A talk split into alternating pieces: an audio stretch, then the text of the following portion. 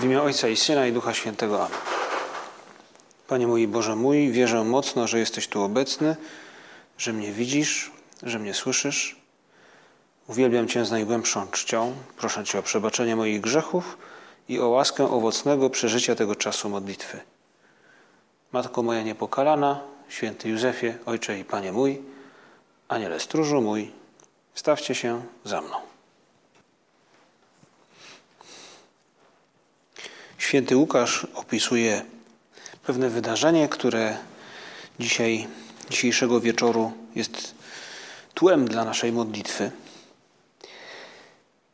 I możemy rozpocząć te, to nasze rozważanie, starając się wytężyć różne nasze zmysły, by tę historię sobie wyobrazić, by stanąć, jakby zaglądając może trochę przez okno do, w tę scenę, do tego miejsca, no, o ile działo się to w jakimś pomieszczeniu, to do środka, bądź może działo się na dworze, a więc wtedy możemy być kimś, kto jakby trochę przystaje, przygląda się, zagląda może przez, przez płot, przez furtkę, przez mur jakiś, gdzie gromadzi się grupa przyjaciół, bo właśnie w takiej to komitywie znajduje się Pan Jezus.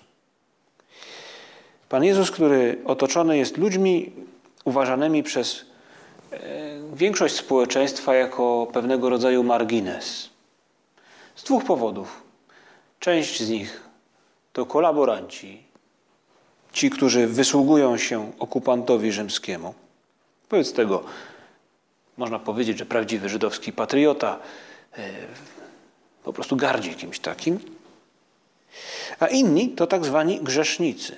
Trudno powiedzieć, co dokładnie miałoby to znaczyć. No, wiadomo, że jakieś niecne postępowanie, choć nie wiemy dokładnie. Może to ludzie, którzy no, oszukiwali, ludzie, którzy no, robili jakieś szemrane interesy, kto wie. Fakt jest, że Jezus znalazł się wśród takich ludzi. To jest historia, którą opisuje nam święty Łukasz. Zbliżali się do niego wszyscy celnicy i grzesznicy, aby go słuchać. Nie jest to jedyny raz, gdy w Ewangelii Pan Jezus znajduje się w takim towarzystwie. Ale możemy sobie wyobrazić, że e, może nie jest to jego naturalne środowisko, ale Pan Jezus czuje się z nimi dobrze. Jest mu dobrze z nimi. Przychodzą, aby go słuchać, a on przecież przyszedł na świat po to, aby mówić, ogłaszać, e, mówić prawdę o Bogu Ojcu, by ogłaszać prawdę o Królestwie Bożym, które już jest wśród nich. On przecież przyszedł po to, aby każdemu, każdemu na tej ziemi powiedzieć, podpowiedzieć, jak żyć, by osiągnąć to królestwo, to szczęście. I Chrystus z pewnością nie znajduje się wśród tych ludzi jak e, aseptyczny jakiś taki, właśnie powiedzielibyśmy, no nie wiem, właśnie moralista. Taki, który y, mówi im piękne maksymy. To z pewnością ktoś, kto potrafił z nimi się napić, kto potrafił z nimi się pośmiać, kto przede wszystkim także potrafił i posłuchać i w ten sposób wyrabiał sobie autorytet u nich. Dlatego przychodzili go, jak mówi święty Łukasz, aby go słuchać. Ale to nie podoba się faryzeuszom.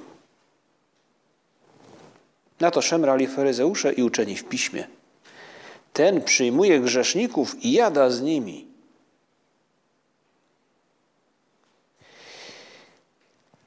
Być może oni czuli się bezpieczni, z dala od tego zgiełku, też tego życia, które było często pogmatwane, czasem może już nie tak do końca dobrowolnie. Było to życie często ludzi, którzy czuli się trochę wmatni. Ale właśnie wtedy Pan Jezus, gdy ci faryzeusze narzekają, opowiada im pewną historię, przypowieść można powiedzieć, która ujawnia jego słuchaczom prawdę o Panu Bogu. Mówi im, dlaczego on zadaje się z ludźmi, których faryzeusze uznają za margines społeczny. Za tych, którymi lepiej się nie zajmować. Za tych, w których towarzystwie lepiej nie przebywać, bo y, towarzyszy, towarzyszy im pewnego rodzaju, można powiedzieć właśnie, rytualna nieczystość, bo zajmują się tym, co niecne, niedobre. A więc lepiej z nimi nie wchodzić w kontakt. A Chrystus opowiada historię o zagubionej owcy i zagubionej drachmie, po to, aby zwrócić uwagę tym, którzy go słuchają, na to, jaki jest Bóg. Że Bóg jest tym, który poszukuje. Że Bóg jest tym, który kocha do tego stopnia, że wygląda, spogląda, wyczekuje, poszukuje. Opowiedział im wtedy następującą przypowieść. I możemy sobie wyobrazić tych ludzi, którzy siedzą z Chrystusem i być może gdzieś właśnie przechodzą tacy faryzeusze i rzucają pod nosem jakiś głupi komentarz i Chrystus to słyszy. I może znając ich, woła ich jednego i drugiego i mówi im, chodź na tutaj Szymonie czy tam inny Bonifacy. Siądźcie z nami. Aj, aj, aj. A oni się boją. I właśnie wtedy w tym to dobrym towarzystwie Pan Jezus opowiada faryzeuszom, ale słyszą, słyszą go też ci, ci, ci celnicy i pozostali. Któż z was, gdy ma sto owiec, a zgubi jedną z nich, nie zostawia dziewięćdziesięciu dziewięciu na pustyni i nie idzie za zagubioną, aż ją znajdzie? Jedna owca warta jest poszukiwania. A gdy ją znajdzie, bierze z radością na ramiona, wraca do domu, sprasza przyjaciół i sąsiadów i mówi im: Cieszcie się ze mną, bo znalazłem owcę, która mi zginęła. Powiadam wam, tak samo w niebie większa będzie radość z jednego grzesznika, który się nawraca, niż z 99 sprawiedliwych, którzy nie potrzebują nawrócenia. Albo jakaś inna kobieta, mając 10 drachm, zgubi jedną drachmę. Czyż nie zapala światła, nie wymiata domu i nie szuka starannie, aż ją znajdzie? A znalazłszy ją, sprasza przyjaciółki, sąsiadki i mówi: Cieszcie się ze mną, bo znalazłam drachmę, którą zgubiłam. Tak samo powiadam wam, radość powstaje u aniołów bożych z jednego grzesznika, który się nawraca. Dla tych, którzy słuchają Chrystusa, wszystko staje się jasne. Tym, którzy go goszczą, czy którzy go słuchają, właśnie e, ci, nazwijmy to, powiedzmy tak, z marginesu, czują się docenieni. Oni wiedzą, że Chrystus jest właśnie tym Bogiem, który poszedł ich szukać. Jest tą kobietą, która angażuje się niesamowicie po to, by odnaleźć jedną drachmę. Pytanie, co myślą faryzeusze? I pytanie, co myśli każdy z nas? Bóg, który wygląda, poszukuje. Bóg, który czeka. Bóg, który się angażuje. I to niezależnie od tego, prawda, jaką wartość mógłbym sobie przypisać. Jak sprawdziłem, ile warta była drachma, ile warta była owca, no ponoć jedna drachma w czasach Pana Jezusa to była mniej więcej jedna dniówka. Znamy inne, inne wartości z Ewangelii, mowa jest też czasem o talentach, o minach. Ponoć jedna mina to 100 drachm. A jeden talent to 6 tysięcy drachm. No, można powiedzieć, to już sporo. 100 to jeszcze no, 100, 3 miesiące pracy, to jest, jeszcze jesteśmy w stanie sobie to jakoś wyobrazić, no ale 6 tysięcy to już jest sporo. Ale coś się w, w, tych y, ocenach, przynajmniej w internecie, na tych różnych blogach i, i, portalach, które dotyczą starożytnego Rzymu, nie wiem, czy nie zgadza. W każdym razie ponoć jedna owca była warta jedną albo dwie drachmy w czasach Pana Jezusa. Czyli jakby dwa dni roboty. To wydaje się trochę mało. Ale z kolei ponoć 300 lat później, nie ponoć, tylko 300 lat później niejaki Dioklecjan wydał mm, edykt ze względu na inflację spowodowaną psuciem monety, to znaczy, że po prostu do stopu dolewano, stop, stop osłabiano ilość srebra i złota. Yy, I z powodu wysokiej inflacji mm, ustanowił maksymalne ceny na różne towary. I wtedy jedna owca 300 lat po Chrystusie kosztowała już 400 drachm. No to już trochę więcej. Można to się pobawić w różne ceny i oceny i, i wyceny i sprawdzić te dane. Ale bez wątpienia, nawet jeśli to jedna drachma to jedna dniówka, a owca to niewiele więcej, to jednak duże jest zaangażowanie tego, tego pasterza, który, który szuka jednej ze stu. Ma ich wiele, ale ta jedna jest warta tak dużo. Ta kobieta, można powiedzieć, że angażuje się wobec 10% jej majątku, bo ma 10 drachm, jedną zgubiła. Pan Jezus opowiada tę historię po to, by nam dać do zrozumienia, że Bóg wyczekuje nas, poszukuje nas, e, niezależnie od naszej wartości. Niezależnie od tego, czy. Zresztą mówi to samo tym, którzy go słuchają. Niezależnie od tego, czy jesteś ty, Szymonie faryzeuszu, co tam stoisz i właśnie wypowiedziałeś ten głupi komentarz, czy, czy może to są ci, którzy tutaj są wokół mnie, których życie jest pokręcone, ale także oni dobrze, żeby wiedzieli, że Bóg ich szuka, że Bóg ich kocha, że Bogu na nich zależy.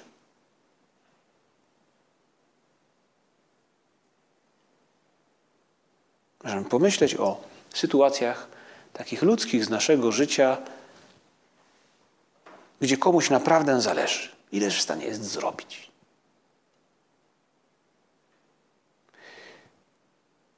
Z historii biblijnej mm, Starego Testamentu, może taką historią, nie wiem czy to romantyczne to dobre słowo, bo jest to trochę też specyficzne. W Stary Testament też e, występuje tam, występują tam elementy poligami, no ale jest patriarcha Jakub, który e, wyrusza i spotyka niejakiego Labana.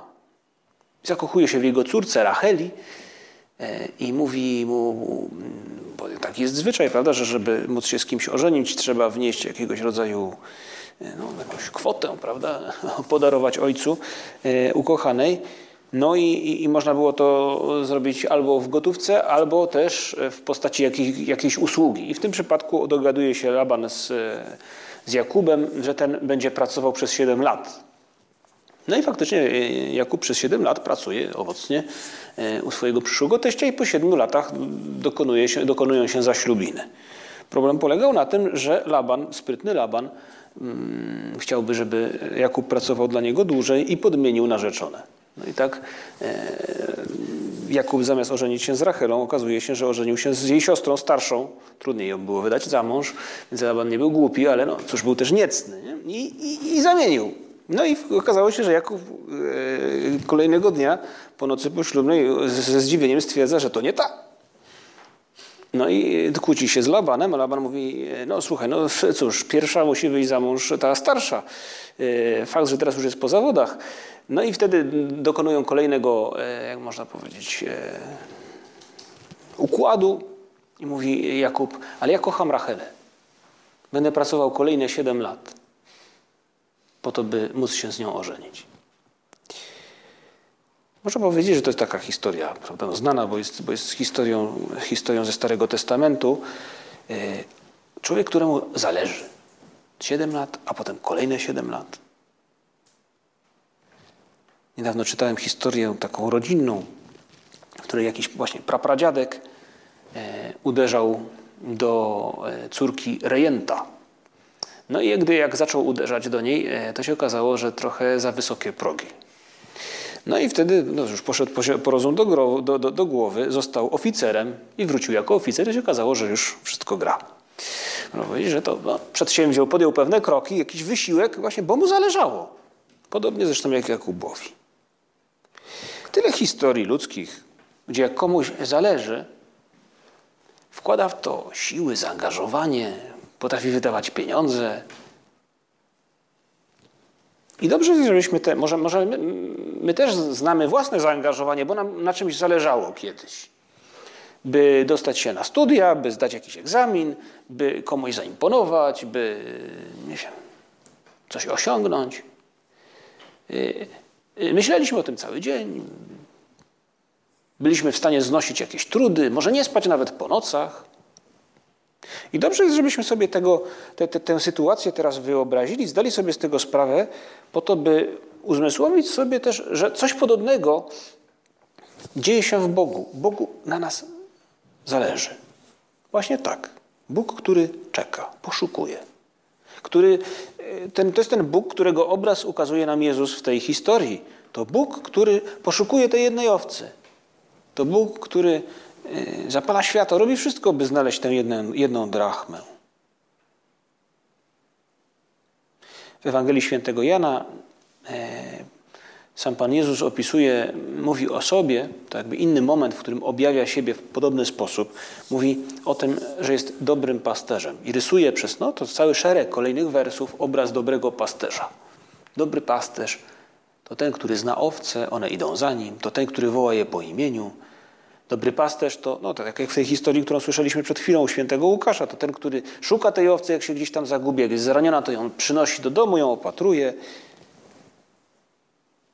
To też no, obraz, który znamy z, z psalmów. Pan mym pasterzem, nie brak mi niczego.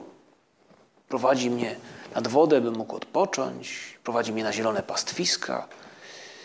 E, no takie, taką tematykę, można powiedzieć, odnoś, od opisywania Pana Boga wybrali ci, którzy byli ludem pasterskim, którzy żyli wśród owiec i, i znali tę rzeczywistość no, po prostu z, z życia codziennego. To inna właśnie sytuacja ta opisana przez Pana Jezusa, który porównuje się do dobrego pasterza, w której Bóg ukazany nam jest jako ten, który czeka, który się troszczy, który poszukuje. Ale przecież ta prawda o Panu Jezusie, o Bogu, który, który się troszczy, staje przed naszymi oczyma także w tym, jak Pan Jezus się zachowuje. Ten sam Pan Jezus, który jest tutaj dzisiaj z nami w tabernakulum. Ten, do którego zwracamy się w sercu, można powiedzieć, z którym jesteśmy na ty. Ten, który zna nasze serce i zna, się, zna dobrze wie to, o tym wszystkim, co nas przejmuje. Ten sam Jezus Chrystus ukazuje nam troskę Bożą, bo po to przyszedł tu na ziemię, by ją ukazać nie tylko mówiąc, ale też czyniąc, dokonując pewnych czynów. Na przykład, kiedy zmęczony w Kafarnaum nauczaniem, wieczorem znajduje czas i chce spotkać się z tymi, którzy przychodzą przed dom, bo są chorzy, ułomni, kalecy. I mówi nam Ewangelia, a on ich uzdrowił. Mógłby machnąć ręką, mógłby mieć, każdy z nas miałby już dosyć, powiedzieć, przyjdźcie jutro. A Chrystus tego dokonuje, bo ich kocha, bo jest uosłabieniem właśnie tutaj na ziemi miłości Boga. Ukazuje nam, jak kocha Bóg, nawet gdy jest zmęczony, nawet gdy, gdy jest wieczór, nawet gdy każdy z nas powiedziałby dosyć.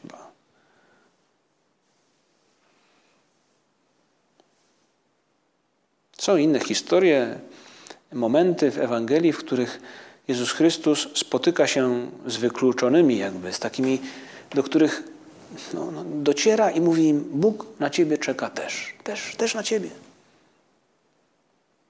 Wielu z tu obecnych oglądało serial The Chosen. Jest tam jedna scena, która porusza bardzo wielu ludzi, gdy Chrystus spotyka Samarytankę przy studni w Sychar. I w tym serialu mówi jej coś, no, co, co można powiedzieć, że, że, że, że tak dosłownie no, tymi słowami nie jest wyrażone w Ewangelii, ale, ale można sobie to doskonale wyobrazić. Bo Chrystus mówi tej kobiecie, którą, którą nawet w jej miasteczku ludzie, ludzie nią gardzą, bo, bo zagmatwała się w różne związki, pokiełbaszone życie. I przychodzi do, tej, do, do studni czerpać wodę właśnie wtedy, gdy nie przychodzi nikt, w południe, kiedy jest najgoręcej, bo nie chce, aby się z niej wyśmiewali, by z niej drwiono. I ta kobieta, z której drwią wszyscy, spotyka przy studni Chrystusa, Syna Bożego, który przychodzi, by każdemu powiedzieć, a Bóg o ciebie się troszczy, wiesz? I mówi jej, w tym serialu przynajmniej tak jest to przedstawione, że przyszedł tutaj, aby się z nią spotkać i jest pierwszą osobą, której otwarcie mówi, że on jest Mesjaszem. Ta kobieta wraca biegnąc do miasteczka i krzycząc z radości, bo dotknęło jej serca dotknęła jej serca ta prawda. Bóg troszczy się o mnie. Bóg przyszedł tu specjalnie dla mnie. Kto wie, co, co myśleli, co czuli ci, ci, ci celnicy i ci, ci różni, no, ich, ich towarzysze, to, to, całe, to całe towarzystwo nieco, z nieco pokomplikowanym życiem.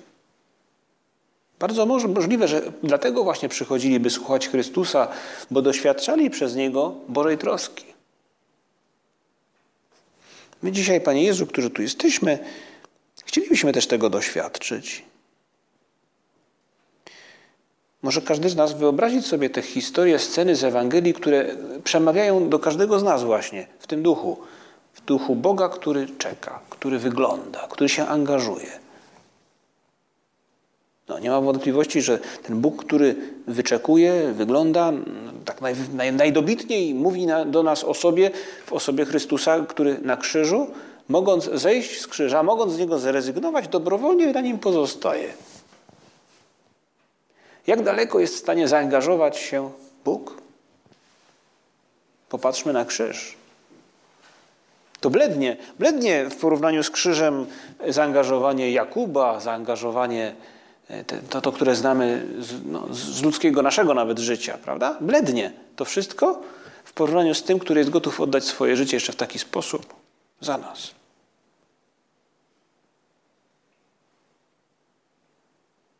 Taka miłość?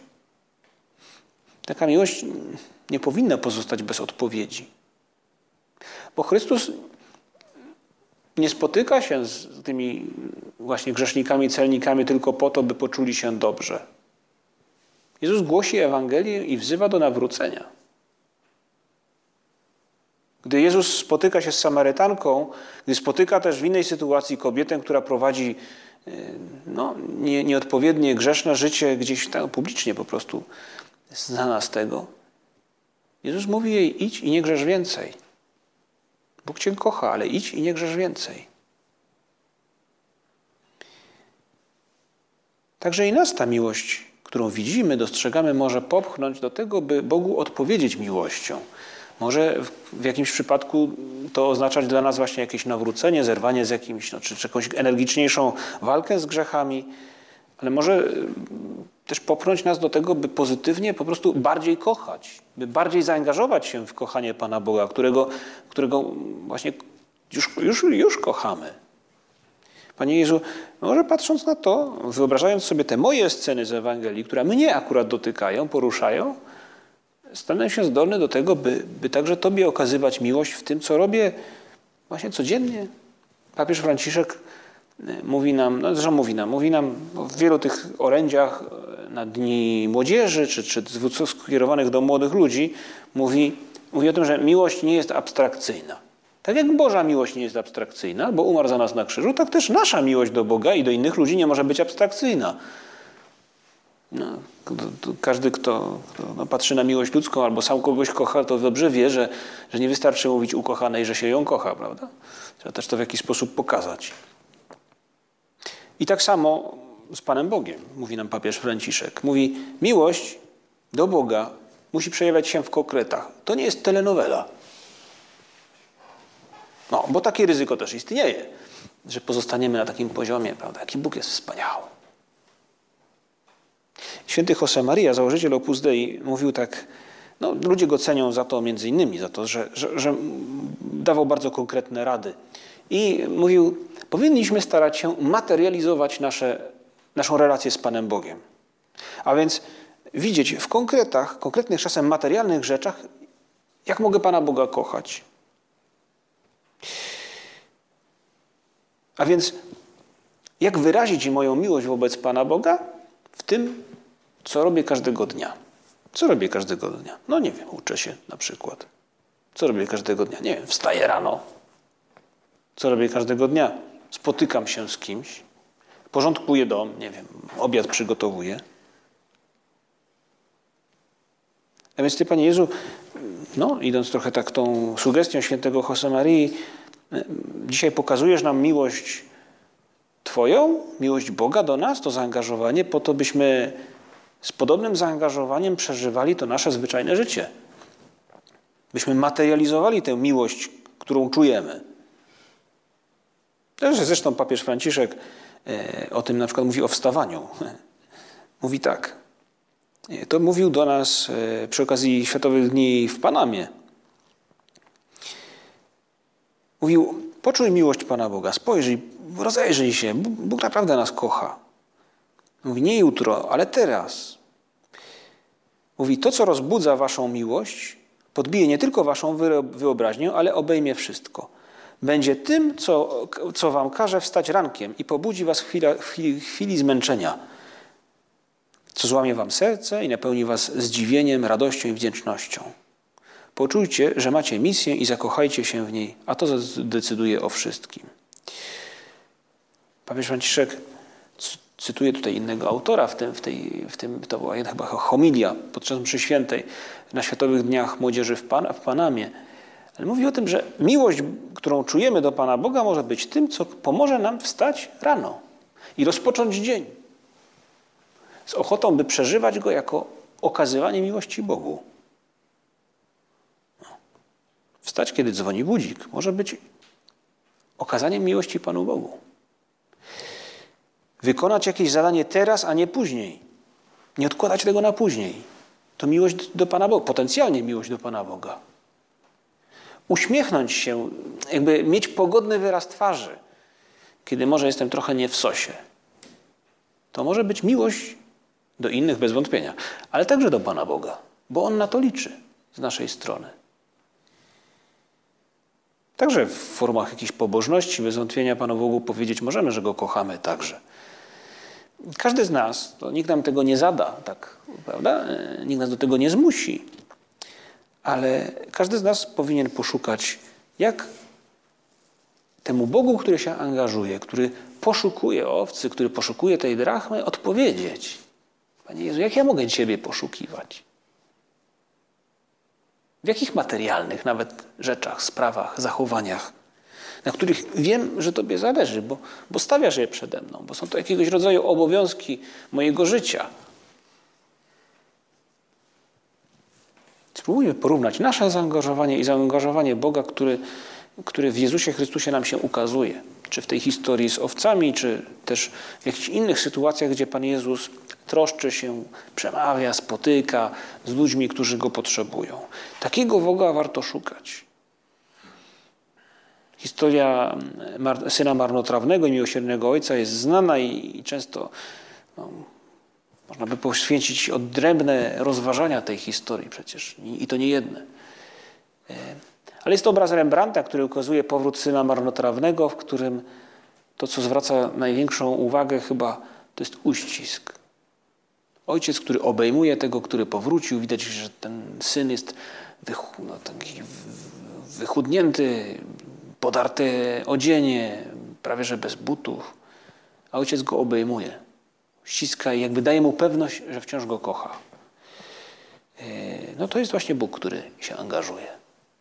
Inny obraz, który dzisiaj może do nas przemawiać. Spróbujmy pomyśleć, co mogę, jak, co mogę zrobić, by takiemu uściskowi się odwdzięczyć, albo co zrobić, by ten uścisk zyskać? Bo jednak musi być we mnie choć odrobina miłości, by